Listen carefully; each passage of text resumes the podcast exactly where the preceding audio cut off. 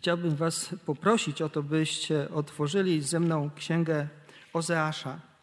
Księgę, która, która jest wstrząsającą księgą, która nie jest aż taką długą, jaką, jaką była księga e, Izajasza, którą czytaliśmy ostatnio. E, I jest to księga niezwykła z, z wielu względów. Jednym z tych względów jest to, że Ozeasz, Ozeasz jest prorokiem, który, który mówi narodowi Izraela, szczególnie tej części narodu Izraela, która mieszka na północ, na północ tej, w, tej, w, regionie, w regionie Samarii. E, mówi im o tym, co Bóg myśli. Mówi o tym, ale z takiej perspektywy bardzo emocjonalnej, z takiej perspektywy tego, jak, jak Bóg jak Bóg odczuwa, czy jak Bóg przeżywa to, co, y, to, co czynią Izraelici. Mamy tutaj przed sobą Ozeasza, który żył ponad 27 wieków temu. I pytanie może, może się pojawić u nas, dlaczego my dzisiaj czytamy y, teksty, czy czytamy o ludziach, które, y, które dotyczą ludzi żyjących prawie 3000 lat temu.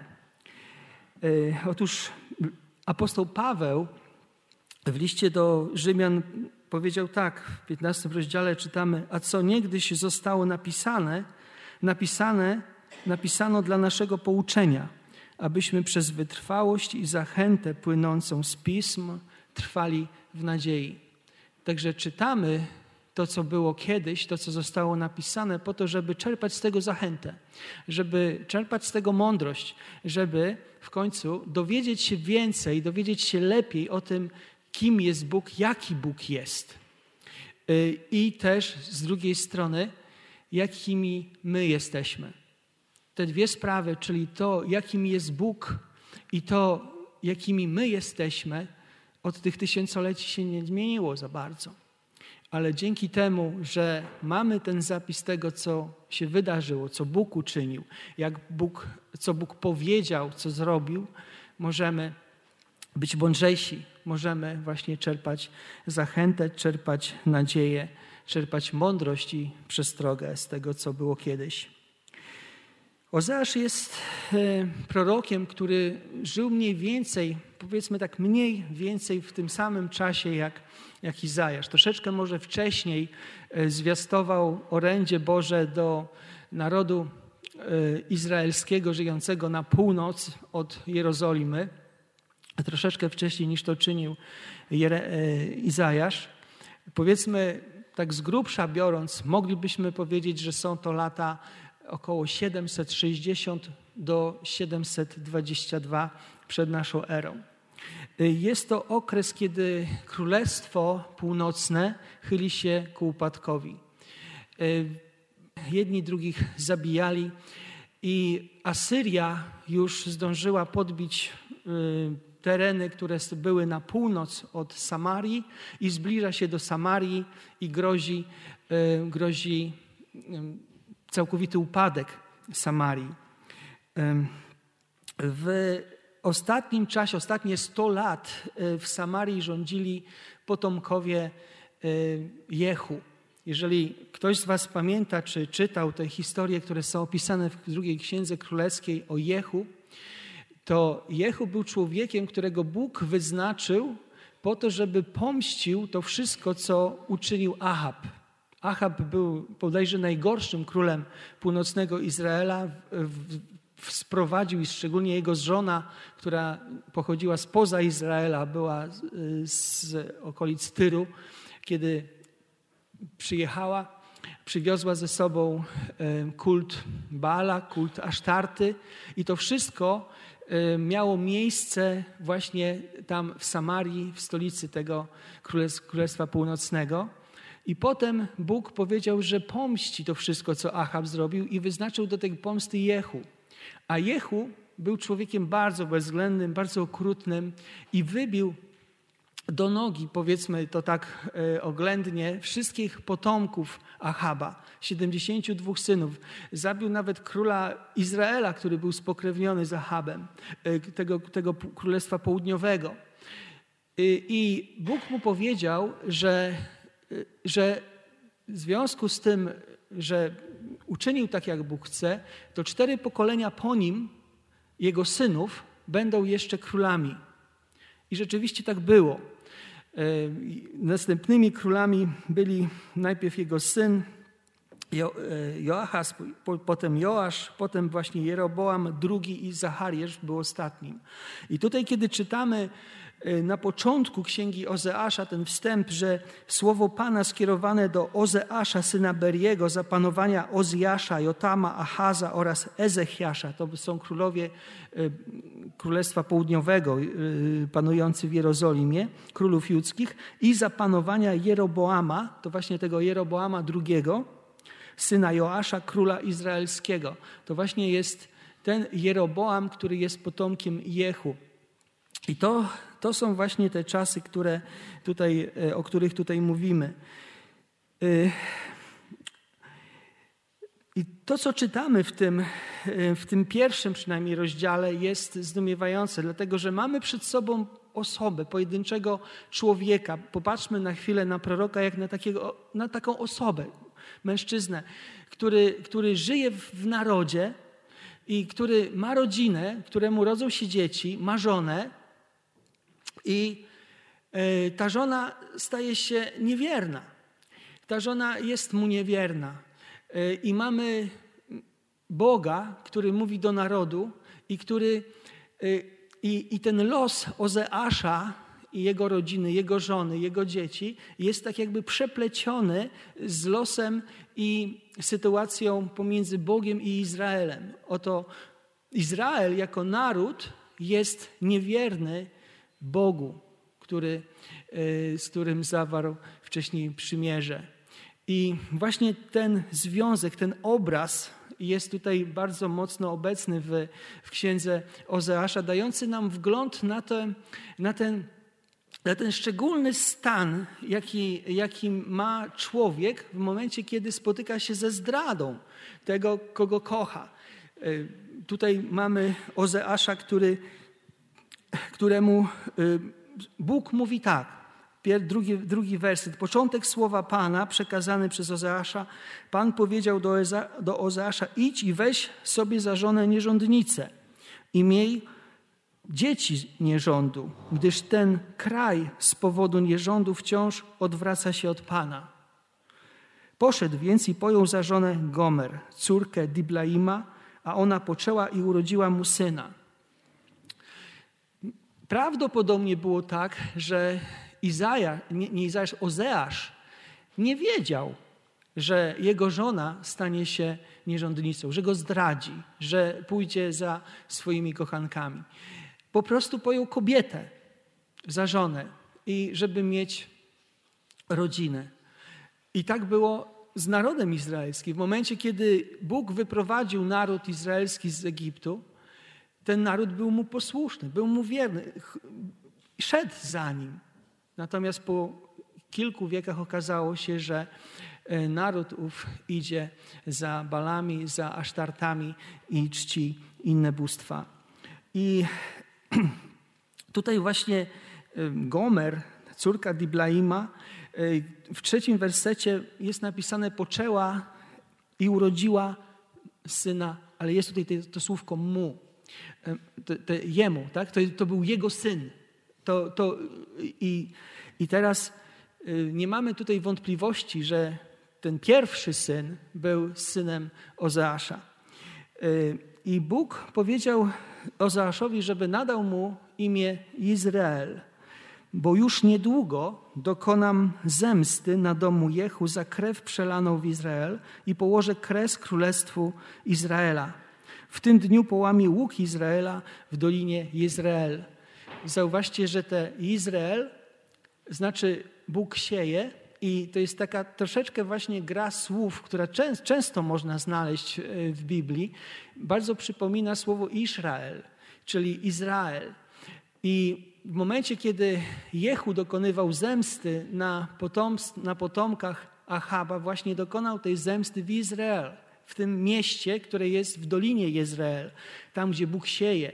To była taka dosyć żyzna dolina, ale też miejsce bardzo wielu bitew, dlatego że było taka, taka, no, taka przestrzeń była do tego, żeby dwie armie się zmierzyły ze sobą, stanęły naprzeciwko siebie i, i, i się zmierzyły ze sobą. I też było tam miasto, właśnie Izrael, które stanowiło taką pewnego rodzaju twierdzę obronną e, Samarii. I tutaj jest zapowiedź tego, że e, ten łuk zostanie złamany Izraela. Natomiast można by tutaj się zastanawiać, czy Bóg chce pomścić to, co zrobił Jehu. Na, I wydaje się, że, że kwestia jest taka tutaj, że to, co Jehu zrobił, to zrobił tę, tę pomstę na domu Ahaba niejako z polecenia Boga. Natomiast ani on, ani później jego synowie nie odstąpili od bałwochwalczych kultów. To właśnie było już coś, czego Bóg nie pochwalał i nie chciał. Natomiast je, sam Jehu, jak i również jego synowie, te cztery pokolenia po nim, w dalszym ciągu kontynuowali ten kult Złotego Cielca. Tam w jednym miejscu był taki kult i, i potem jeszcze kult Baalów y, i Asztarty, tych kananejskich bóstw, które które były, były uznawane za, jako bóstwa, które odpowiadają za urodzaj, wszelkiego rodzaju powodzenie, ale również za, no, oprócz tego, że żyzność gleby, to również za to, że, że, że człowiek może rodzić dzieci, za, za taką um, rozrodczość, powiedzmy to tak. I, I ten kraj, ten kraj e, w tym momencie Y, ma zapowiedziane, tak trzeba raczej rozumieć tę, tę zapowiedź z czwartego wersetu, że to, co wcześniej zrobił Jehu względem domu Ahaba, to samo stanie się teraz z, z domem Jehu. Ta, ta, ta sama pomsta spotka ten, ten, ten naród. I yy, i to jest zapowiedź, którą, którą Ozeasz miał przekazać. Natomiast patrzymy dalej na kolejny werset i, i widzimy tutaj znowu, że Gomer poczęła. Gomer poczęła i urodziła córkę. Wtedy on powiedział do niego: Daj jej na imię niemiłowana, albo po hebrajsku to, to brzmi Lo Ruhama. To jest taka, ta, której nie okazano zmiłowania, ta, której nie okazano miłosierdzia. I zauważcie, że kiedy tutaj jest mowa w szóstym wersecie, że urodziła córkę, a później jeszcze jednego syna urodziła, i, i w ósmym wersecie jest mowa, że znowu poczęła i urodziła syna, już nie ma tego krótkiego słówka mu albo jemu. To najprawdopodobniej są dzieci, które, które poczęły się i urodziły się z nierządu. Y, w drugim, drugim rozdziale z szóstego, w szóstym wersecie mamy tutaj y, taki, taki werset, który mówi: Nie zmiłuje się nad jej synami, gdyż są synami nierządu. Nie zmiłuje się nad jej synami, są synami nierządu. I zobaczcie teraz na tego człowieka Ozeasza, który ma żonę, która go zdradza, która rodzi dzieci, innych mężczyzn. I on teraz ma rodzinę, tak? I, I ma taką sytuację. I dzisiaj, jeżeli można by powiedzieć, ludzie się rozwodzą z dużo mniejszych powodów. E, roz, rozwód z powodu zdrady jest zawsze jakoś tak e, traktowany, że, że, że, że ta strona zdradzona ma prawo od, e, odprawić i wina leży po tej stronie, która zdradziła. I patrzymy tutaj na ten dramat, który przeżywa człowiek zdradzony. Zauważcie, jeżeli byśmy, żeby każdy z nas y, by się postawił w sytuacji Ozeasza, jakie emocje byśmy przeżywali, jakiego rodzaju postawę byśmy mieli. Co, y, czy, to był, czy to byłaby złość, czy to, byłaby, czy to byłby gniew, czy to byłoby rozczarowanie, co, co, co, co byśmy przeżywali, gdyby tego rodzaju okoliczności e, spotkały kogokolwiek z nas. Ja powiem szczerze, że to jest straszne. To jest, to, to jest prze, przeraźliwe, jeżeli tak, tak sobie człowiek pomyśli, jak, jak to można przeżywać. Zwłaszcza, że w tamtej kulturze Bliskiego Wschodu była, była zasada taka, że te, tę kobietę, która, którą złapano na cudzołóstwie, można było po prostu zabić, w, bo prawo mojżeszowe tak to mówiło, że takie kobiety się publicznie kamienowano. E, I zresztą mamy przykład tego w, w Ewangelii Jana w ósmym rozdziale, kiedy tam jest opisane, że przyprowadzono do Jezusa kobietę złapaną na cudzołóstwie. I pytają Jezusa, żeby go złapać, co mamy zrobić, bo Mojżesz każe nam takie kamienować. Także dla nich to było jasne, że tego rodzaju rzecz jest, jest pewnego rodzaju końcem, pewnego rodzaju końcem relacji, końcem małżeństwa, końcem, końcem no, jakiegoś układu przymierza i, czego, i, i, i tego. Yy, także kiedy yy, Ozeasz yy, ma tutaj właśnie taką sytuację, jest świadkiem i przeżywa to, że jego żona od niego odchodzi spotyka się ze swoimi kochankami, zachodzi w ciążę i, i rodzi e, dzieci z tego, z tego nierządu.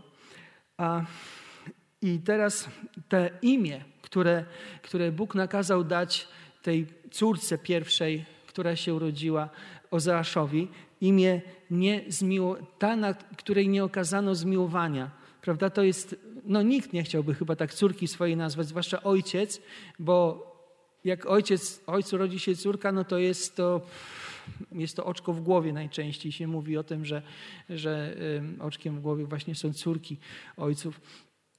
A tutaj mamy polecenie, jakie słyszy Ozeasz, żeby swoją, no swoją, nie swoją w takim układzie córkę nazwać y, ta, której nie okazano zmiłowania. Czyli dlaczego? Bo już więcej się nie zmiłuje nad domem Izraela. I zobaczcie, jak ten los tej rodziny przeplata się, jest, jest taką analogią do, do tej sytuacji, jaka jest pomiędzy Izraelem y, tym, a, a samym Bogiem. I Bóg już więcej nie będzie okazywał zmiłowania temu ludowi. I to w sposób symboliczny właśnie widać w, w tym, jak e, Ozeasz nazywa swoją córkę.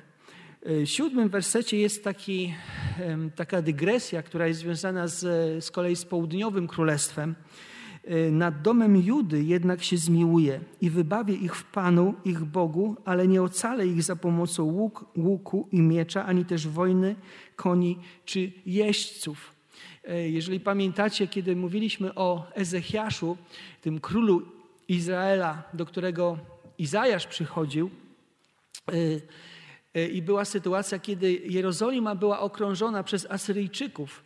Ezechiasz modlił się do Boga, pytał Izajasza, jaki jest wyrok Boży w tej sprawie, i Izajasz zapowiedział, że, że Jerozolima będzie obroniona. I, i i że ta cała armia powróci z powrotem tam do, do Damaszku, skąd, skąd wyruszyła. I rzeczywiście wybawienie Jerozolimy, ten 701 rok, kiedy ta oblężona Jerozolima została przez Asyryjczyków, dokonało się w taki sposób, że anioł Pana wyszedł i jak czytaliśmy, zabił 185 tysięcy ludzi z tej armii. Także ta armia została zdziesiątkowana w zasadzie. Potem jeszcze ten dowódca, król dostał taką wiadomość, że e, armia egipska się e, jakoś tam ruszyła i że ta wiadomość spowodowała, że wrócił do Damaszku, a tam z kolei jego dwaj synowie zabili go, kiedy, kiedy składał ofiary swojemu bóstwu w świątyni. Także Juda została ocalona i nie za pomocą łuku, nie za pomocą koni, nie za pomocą wojny czy jeźdźców, tylko za pomocą interwencji samego Boga. Jeżeli byśmy chcieli to troszeczkę rozszerzyć, troszeczkę w przyszłość spojrzeć, to zobaczcie, że, że my dzisiaj możemy powiedzieć, że też nie za pomocą własnej siły, nie za pomocą siły jakiegoś oręża, ale za pomocą za sprawą tego, co uczynił Chrystus. Za sprawą tego, który na siebie sam wziął nasze winy, umarł i został wzbudzony z martwych i ogłosił, że kto uwierzy w Niego, zostanie ocalony. I my nie mamy innego ocalenia również. Także yy, yy, wracając tutaj do tekstu ósmego, do ósmego wersetu, a gdy odstawiła od piersi Lo, Lo Ruhamę, znowu poczęła i urodziła syna. Wtedy on powiedział, nadaj mu imię Loami, ponieważ wy nie jesteście moim ludem, a ja nie jestem wasz. Loami to nie mój lud. Loami nie jesteś moim ludem, a Bóg mówi, a ja nie jestem wasz. Zobaczcie, jakie odwrócenie, bo całe wyprowadzenie narodu z, z Egiptu było, było częścią takiego Bożego planu, polegającego na tym, że Bóg będzie miał swój lud, w którym będzie mieszkał. Pośród tego ludu będzie obecny.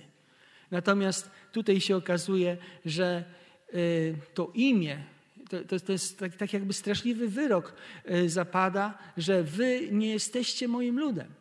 Am to jest lud, ami mój lud, lo ami nie mój lud. Nie jesteś moim ludem. Dlaczego nie jesteś moim ludem? No właśnie dlatego, że, że jest ten nierząd, Właśnie dlatego, że jest ta zdrada, właśnie dlatego, że serca tamtejszych Izraelitów biły w taki sposób, żeby, żeby czcić Bala, żeby oddawać cześć Asztarcie i, i, i całemu temu bałwochwalstwu. Dlatego Bóg już nie miał wyjścia, tylko powiedzieć, że wy teraz jesteście ludem Bala w zasadzie, nie moim ludem. Ja nie jestem waszym Bogiem.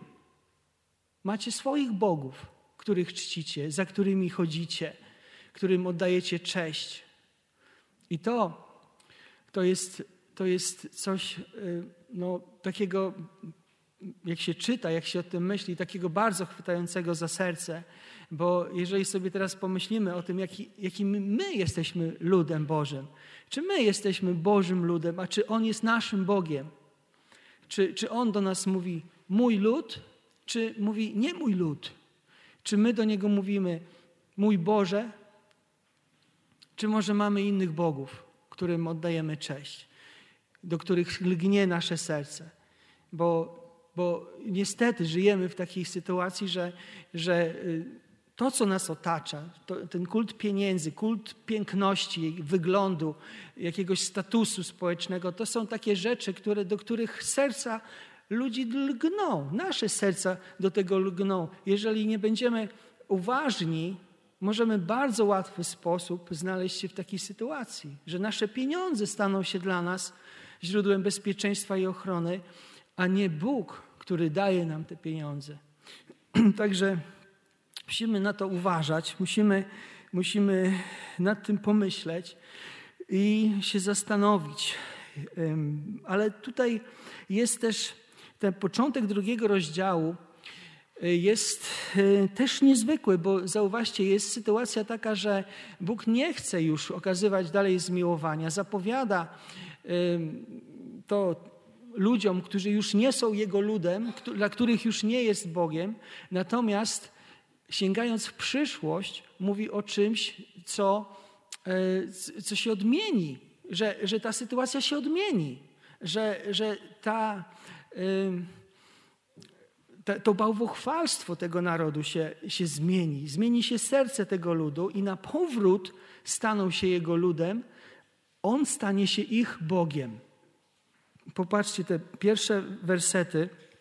Ja chciałem w zasadzie mówić dzisiaj o całym drugim rozdziale, ale myślę, że już dzisiaj nie zdążymy o tym czytamy tak: Liczba synów Izraela będzie jak piasek morski, którego nie można zmierzyć ani zliczyć. Zamiast mówić do nich, wy jesteście nie mój lud, będzie się mówić synowie Boga żyjącego. Wtedy zgromadzą się synowie Judy i synowie Izraela razem, ustanowią sobie jednego przywódcę i wyruszą z kraju, bo wielki będzie dzień Izraela. Mówcie do swoich braci, mój lud i do sióstr umiłowana. Jeżeli tutaj jest ta zapowiedź tak jakby odwrotnością tego, co poprzednie wersety mówią, które mówią o tym, że nie będzie miłosierdzia i że ten lud już nie jest ludem, to drugi rozdział zapowiada, że jednak liczba synów Izraela będzie jak piasek morski, którego nie można zmierzyć ani zliczyć. Zamiast mówić do nich, wy jesteście nie mój lud, będzie się mówić synowie Boga żyjącego. Tych synów Boga żyjącego będzie tyle, ile piasku. Nie będzie można policzyć ziaren piasku, tak samo tych synów nie będzie można policzyć. Przyjdzie taki czas, przyjdzie taki moment. Jak to się stanie? No właśnie, jak to się stanie, że serce tego narodu się zmieni? Jak to się stanie, że, że y, oni powrócą? Jak to się stanie, że, y, że oni zechcą z powrotem przyjść do Boga, którego pozostawili? Zauważcie, o tym może właśnie pomówimy następnym razem. Natomiast dzisiaj chciałbym tylko zakończyć na tym drugim wersecie, że widać tutaj, że synowie, jest zapowiedź, że synowie Judy, te północ i południe połączy się i ustanowią sobie jednego przywódcę i wyruszą z kraju. Będzie to wielki dzień Izraela. Mówcie do swoich braci, mój lud i do sióstr umiłowana. Jeżeli y, można to tak y, rozciągnąć w czasie, to właściwie możemy śmiało powiedzieć, że jest to nawiązanie do czasów mesjańskich, do czasów Chrystusa, który nie tylko plemiona izraelskie zjednoczy, ale również y, ludzi, którzy są spoza Izraela, włączy do tego Izraela i razem powiedzą to, co tutaj jest w tym trzecim wersecie drugiego rozdziału. Mówcie do swoich braci, mój lud i do sióstr umiłowana. Zauważcie, że Bóg zapowiada zmianę imienia tych ludzi. Zmianę imienia. Ten, ta niemiłowana, czy ta, której nie okazano zmiłowania, staje się tą, której zmiłowania okazano. Ta, której ten, który nie był ludem, staje się człowiekiem, któremu, który jest ludem. Jego imię się zmieniło, ale to, co się jeszcze zmienia, zmienia się tożsamość. Tożsamość człowieka się zmienia wraz z imieniem. W hebrajskim języku to jest bardzo ważne. Jak zmienia się imię, bo to zmienia się jego istota, jego rdzeń. I teraz, kiedy Bóg to zapowiada, zapowiada, że to się stanie. A a apostołowie Piotr i Paweł w swoich listach odnoszą to do pogan, którzy najpierw będąc nie ludem, stali się ludem. Najpierw byli tymi, który, którym zmiłowania nie okazano, potem stali się tymi, którym zmiłowania okazano. Czytamy na przykład w liście Piotra, e, pierwszy list Piotra 2,10, czytamy tak: Wy, którzy niegdyś byliście nie ludem, teraz jesteście ludem Bożym. I to nie jest, nie jest mowa tylko o poganach, e, tylko o, o Izraelitach, o Żydach, ale jest właśnie mowa również o tych, którzy, którzy uwierzyli w Chrystusa i przez to stali się ludem Bożym. Dla was niegdyś nie było miłosierdzia, a teraz go dostąpiliście. A w Rzymian w liście w dziewiątym rozdziale 24 i 26 czytamy tak.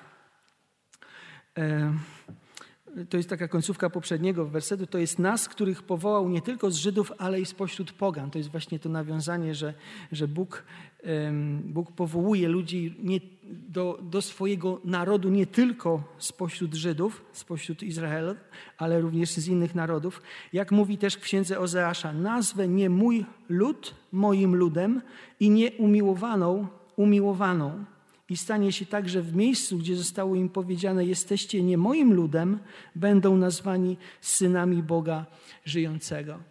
Zobaczcie, to jeżeli człowiek się nawrócił, stało się właśnie w momencie, kiedy się człowiek nawrócił. Wielu z nas przeżyło taki, taką przemianę tożsamości. Z ludzi, którzy, którzy byli nie ludem i którzy, dla których Bóg nie był Bogiem, na ludzi, którzy stali się Jego ludem i dla których Bóg jest ich Bogiem. Ten moment przemiany serca, przemiany myślenia o tej sprawie, to jest moment nawrócenia, moment powrotu do Boga, moment, kiedy, kiedy człowiek sobie zdaje sprawę, że ten Bóg, który się objawił Izraelitom, jest Bogiem prawdziwym, jest Bogiem żyjącym, jest Bogiem, który działa, jest Bogiem, który okazuje zmiłowanie i nie ma lepszego miejsca niż być przy Nim. Będziemy o tym jeszcze mówić więcej na e, nabożeństwie za tydzień, a teraz zachęcam, byśmy powstali i kto chciałby się modlić, byśmy się teraz modlili do Boga.